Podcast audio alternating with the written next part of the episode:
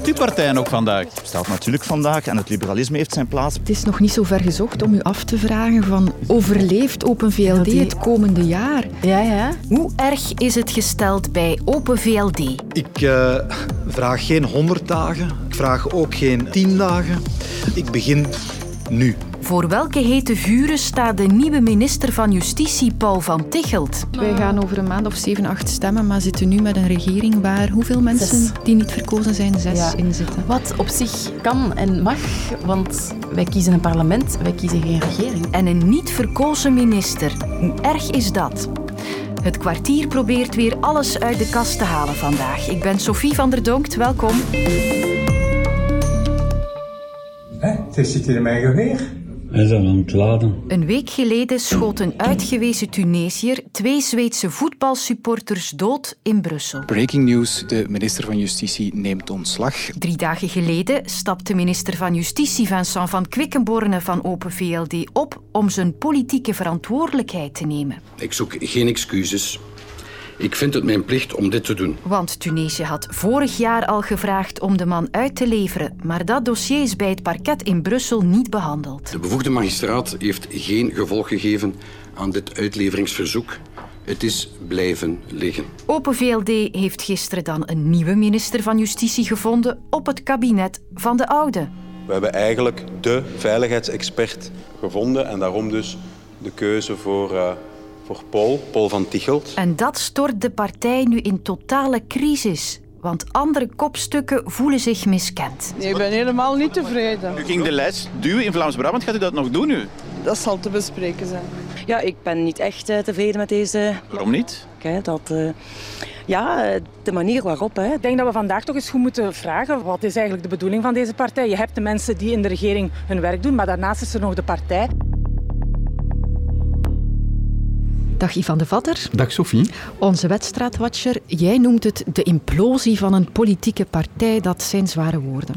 Ja, omdat er natuurlijk meer aan de hand is. Je zit met peilingen die heel slecht zijn. De partij is bijna de helft van haar kiezers verloren. In peilingen natuurlijk, als je het vergelijkt met de verkiezingen van 2019.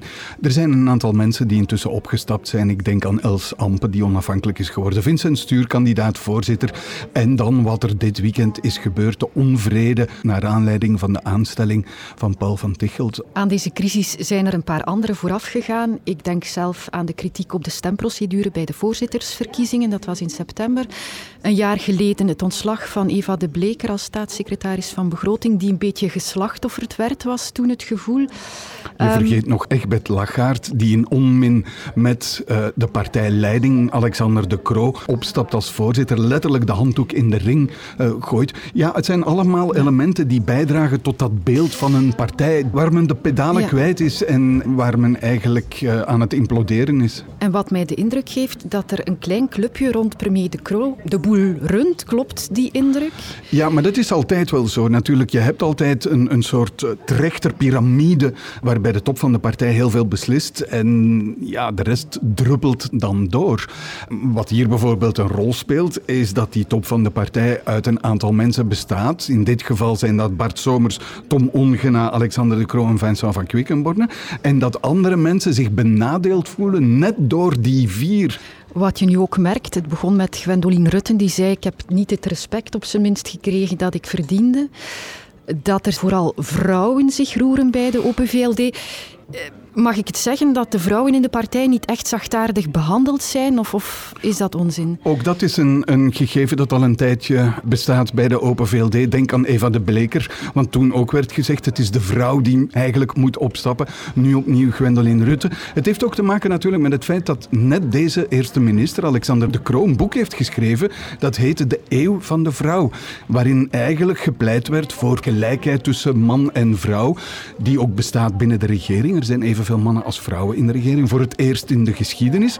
Maar dan zeggen de liberale vrouwen, ja, maar wanneer je dat dan in eigen partij moet toepassen, dan blijft daar heel weinig van over. Die vier topmensen zijn ook niet toevallig allemaal vier mannen. Maar het is niet alleen vrouwen die verontwaardigd zijn, want je hebt ook Patrick de Waal bijvoorbeeld, die zegt, ik overweeg om onafhankelijker te worden. Uit protest tegen de beslissing tegenover Gwendolyn Rutte. Dat is een man. Dus het gaat net ook weer daar net iets dieper dan alleen maar de tegenstelling man-vrouw. Waar zie jij dit eindigen? We zijn op zeven maanden van de verkiezingen. Ja, dat is een groot probleem. Want je moet je echt de vraag stellen: de implosie in de peilingscijfers is één element. Je verliest draagkracht als eerste minister wanneer je partij schrompelt. Maar wanneer die 7, 8 procent dan ook nog eens ruzie met elkaar beginnen te maken, dan heb je als premier nog maar heel weinig draagkracht. Dit is een blok aan het been van de eerste minister. Dit moet zo snel mogelijk hersteld worden om ervoor te zorgen dat de rangen opnieuw gesloten worden. Niet alleen in zijn regering, maar ook in zijn partij. De premier weet dus wat gedaan, heeft in zijn federale regering ook een nieuwe minister van Justitie, Paul van Tichelt. Uh, goedemiddag, bonjour à tous. En over hem wil ik het ook even hebben. Want hij erft niet alleen de stoel en de bureaulamp van Vincent van Quickenborne, maar ook een loodzware bevoegdheid en een pak uitdagingen. Van Tichelt liet gisteren weten dat hij er meteen wil invliegen. We hebben niet de luxe om tijd te verliezen. En moeten we ons opnieuw de vraag stellen: wat kunnen we beter doen? Wat moeten we beter doen? Wat moeten we beter doen? Waar moet Paul van Tichelt zo snel mogelijk zijn tanden inzetten? Ik maak een to-do-lijst voor de nieuwe minister samen met drie mensen die kennis van zaken hebben. Hallo. Ja, hallo. Ik hoor u goed, ja, geen enkel probleem. Helemaal bovenaan op de lijst veiligheid en terreurbestrijding. Wat zijn daar de pijnpunten die smeken om een oplossing? Terreurexpert Annelies Pauwels van het Vlaams Vredesinstituut kent er wel enkele. Als we kijken naar uh, terrorisme vandaag, dan zien we dat uh, de dreiging van terrorisme echt uh, bijzonder diffuus is geworden de voorbije jaren. We zien dat die niet enkel van, van netwerken komt, maar ook van lone actors, dus individuen die dan niet direct in opdracht van een netwerk werken. Maar ook uh, dat het van, vanuit verschillende ideologische achtergronden komt. Hè. Dus niet enkel jihadisme, maar ook rechts- en linksextremisme. Die diffuse dreiging maakt het eigenlijk toch wel uh, extreem belangrijk om zoveel mogelijk toch die toegang tot wapens uh, grondiger te beperken. Er zijn toch echt wel nog wel wat mogelijkheden om die toegang tot wapens, vooral op de illegale vuurwapenmarkt, te beperken. En het is voor, vooral belangrijk om te vermijden dat we dat in een vorm van, uh, van steekvlampolitiek te doen. Dus uh, als we dingen opzetten, dat we dat ook blijven volhouden. En dat we dat niet bij de volgende crisis terug laten vallen. Maar het terreurdossier is niet de enige zware taak die Paul van Tichelt op zijn bord krijgt. Er is ook nog altijd veel drugscriminaliteit met afrekeningen en granaten op straat. En daar ziet advocaat John Maas twee grote uitdagingen. De war on drugs is natuurlijk ook een never-ending story, zowel internationaal als nationaal. We moeten toch proberen mensen die veroordeeld zijn of die gezocht worden te laten uitleveren uit landen die dat vandaag blijkbaar toch niet doen. Ik denk maar aan Dubai, maar ook aan Turkije. Dat zijn momenteel nog steeds vrijhavens voor drugscriminelen en dat moet aangepakt worden. Maar ook natuurlijk in België op het terrein blijft er heel veel werk aan de winkel, waarbij men natuurlijk ook met de politie moet kunnen samenwerken. Bijvoorbeeld ja, het geweld in Antwerpen, maar ook daarbuiten blijft een heikel punt waarvoor men moet voldoende geld en middelen vrijmaken.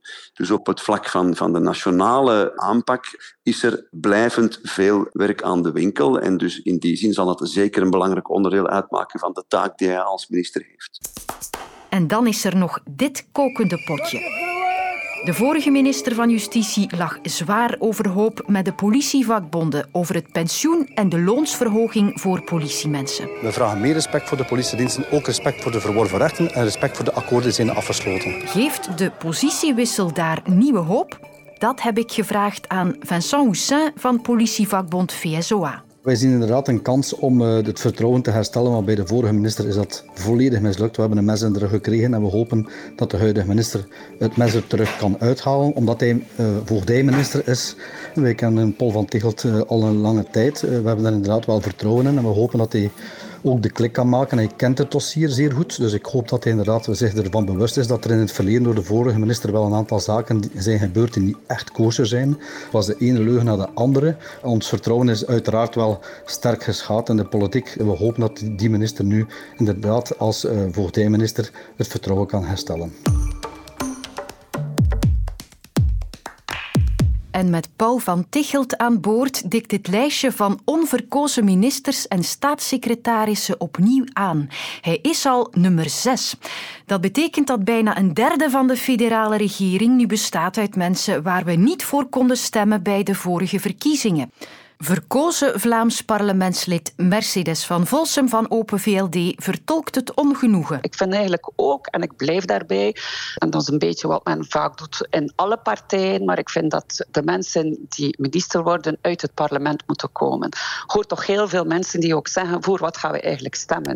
En het is inderdaad opvallend dat zoveel onverkozenen het tot in de regering schoppen. Maar is dat een probleem? Wel, ik begrijp dat mensen zich vragen stellen bij onverkozen ministers, maar toch is dit perfect democratisch. Je hoort Dave Sinardet, professor politieke wetenschappen aan de VUB. Ministers worden in ons land namelijk niet verkozen en in de meeste andere landen trouwens ook niet.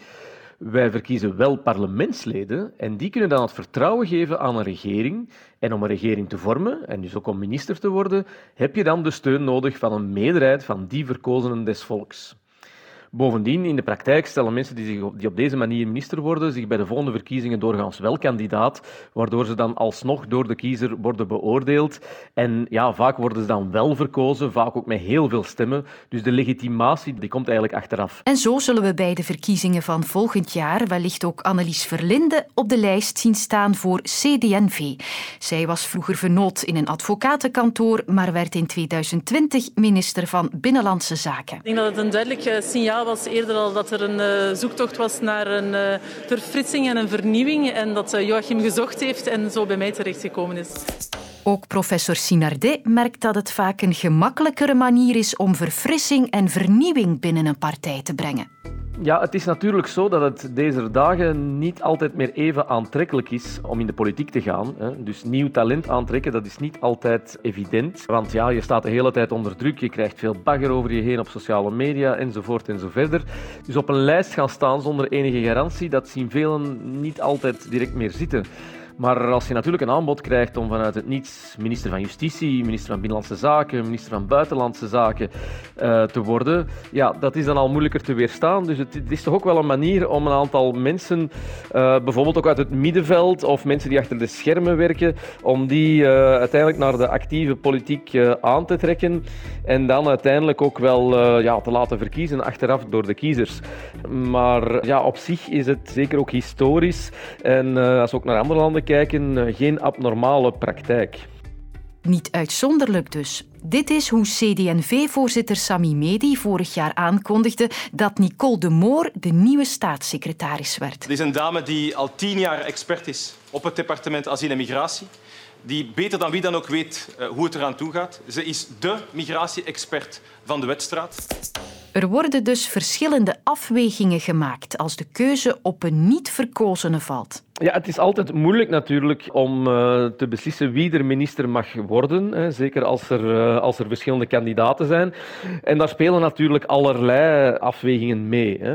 Daar spelen ook electorale afwegingen mee, bijvoorbeeld. Hè. Uh, een partij zal bijvoorbeeld proberen om altijd verschillende ministers van verschillende kieskringen in een regering te loodsen, zodat ze bij de verkiezingen overal sterke figuren hebben. Belangrijk is natuurlijk ook wel de, de competentie. En ja, daar valt het toch wel op dat uh, bijvoorbeeld Van Tichelt op dat vlak alleszins niet wordt gecontesteerd. Hè. Toch niet als minister van Justitie. Het is heel duidelijk dat hij als adjunct kabinetchef en ook gezien zijn verleden uh, bij OCAT en tevoren nog bij Binnenlandse Zaken en ook als magistraat in Antwerpen, ja, dat hij wel de juiste papieren heeft. Het probleem is wel dat hij tegelijkertijd ook vicepremier moet worden en dus eigenlijk ook de partij moet vertegenwoordigen rond een heel aantal andere dossiers, ook op het socio-economische. Ja, en dat is hem natuurlijk misschien wel minder op het lijf geschreven dan sommige andere kandidaten die in de partij ook circuleerden, hè, zoals de voormalige voorzitter Gwendoline Rutte. Niet altijd simpel dus, dat ondervond ook Frank van den Broeke toen hij voor vooruit zijn comeback maakte als minister. Ik kijk er naar uit, maar ik vind het ook wel een grote uitdaging en ik ga de eerste dagen toch nog heel wat moeten studeren en, en dingen bekijken, dus ik ga niet al te veel grote verklaringen afleggen de eerste dagen. En toch mag het resultaat er vaak wel zijn. Ja, het verleden toont wel dat het uh, inhoudelijk een goede keuze kan zijn om uh, onverkozen ministers te benoemen. Uh, we zijn dat al wat vergeten, hè, maar heel wat van onze populaire toppolitici die zijn ooit minister geworden zonder eerst verkozen te zijn. Jean-Luc Dehaene, door velen toch beschouwd als een van de beste premiers van de vorige eeuw, ja, die werd begin jaren 1980 van een kabinet weggeplukt om direct minister van Sociale Zaken te worden. Enkele jaren later Herman van Rompuy, die later de eerste voltijdse voorzitter van de Europese Raad zou worden, die werd recht van de studiedienst naar het ministerschap gestuurd. En zo kunnen we nog even doorgaan, hè, maar dit, dit, toont wel aan. We zijn dat vaak gewoon al vergeten dat die mensen eerst niet, niet meer verkozen zijn geweest. En vandaag beschouwen we dat toch bijna allemaal als een aantal van de belangrijke politici, uh, die trouwens ook heel veel stemmen hebben gehaald achteraf. Dat was het voor vandaag. Wie Lode Roels verkiest, zit morgen goed bij het kwartier. Dan kiest hij er weer drie nieuwsonderwerpen uit. Wat is echt en wat niet? En hoe kom je dit te weten? Duik mee in het Uur van de Waarheid, een podcast over de wereld van nepnieuws en online bedrog, samen met factcheckers en experten. Nu in de app van VRT Nieuws.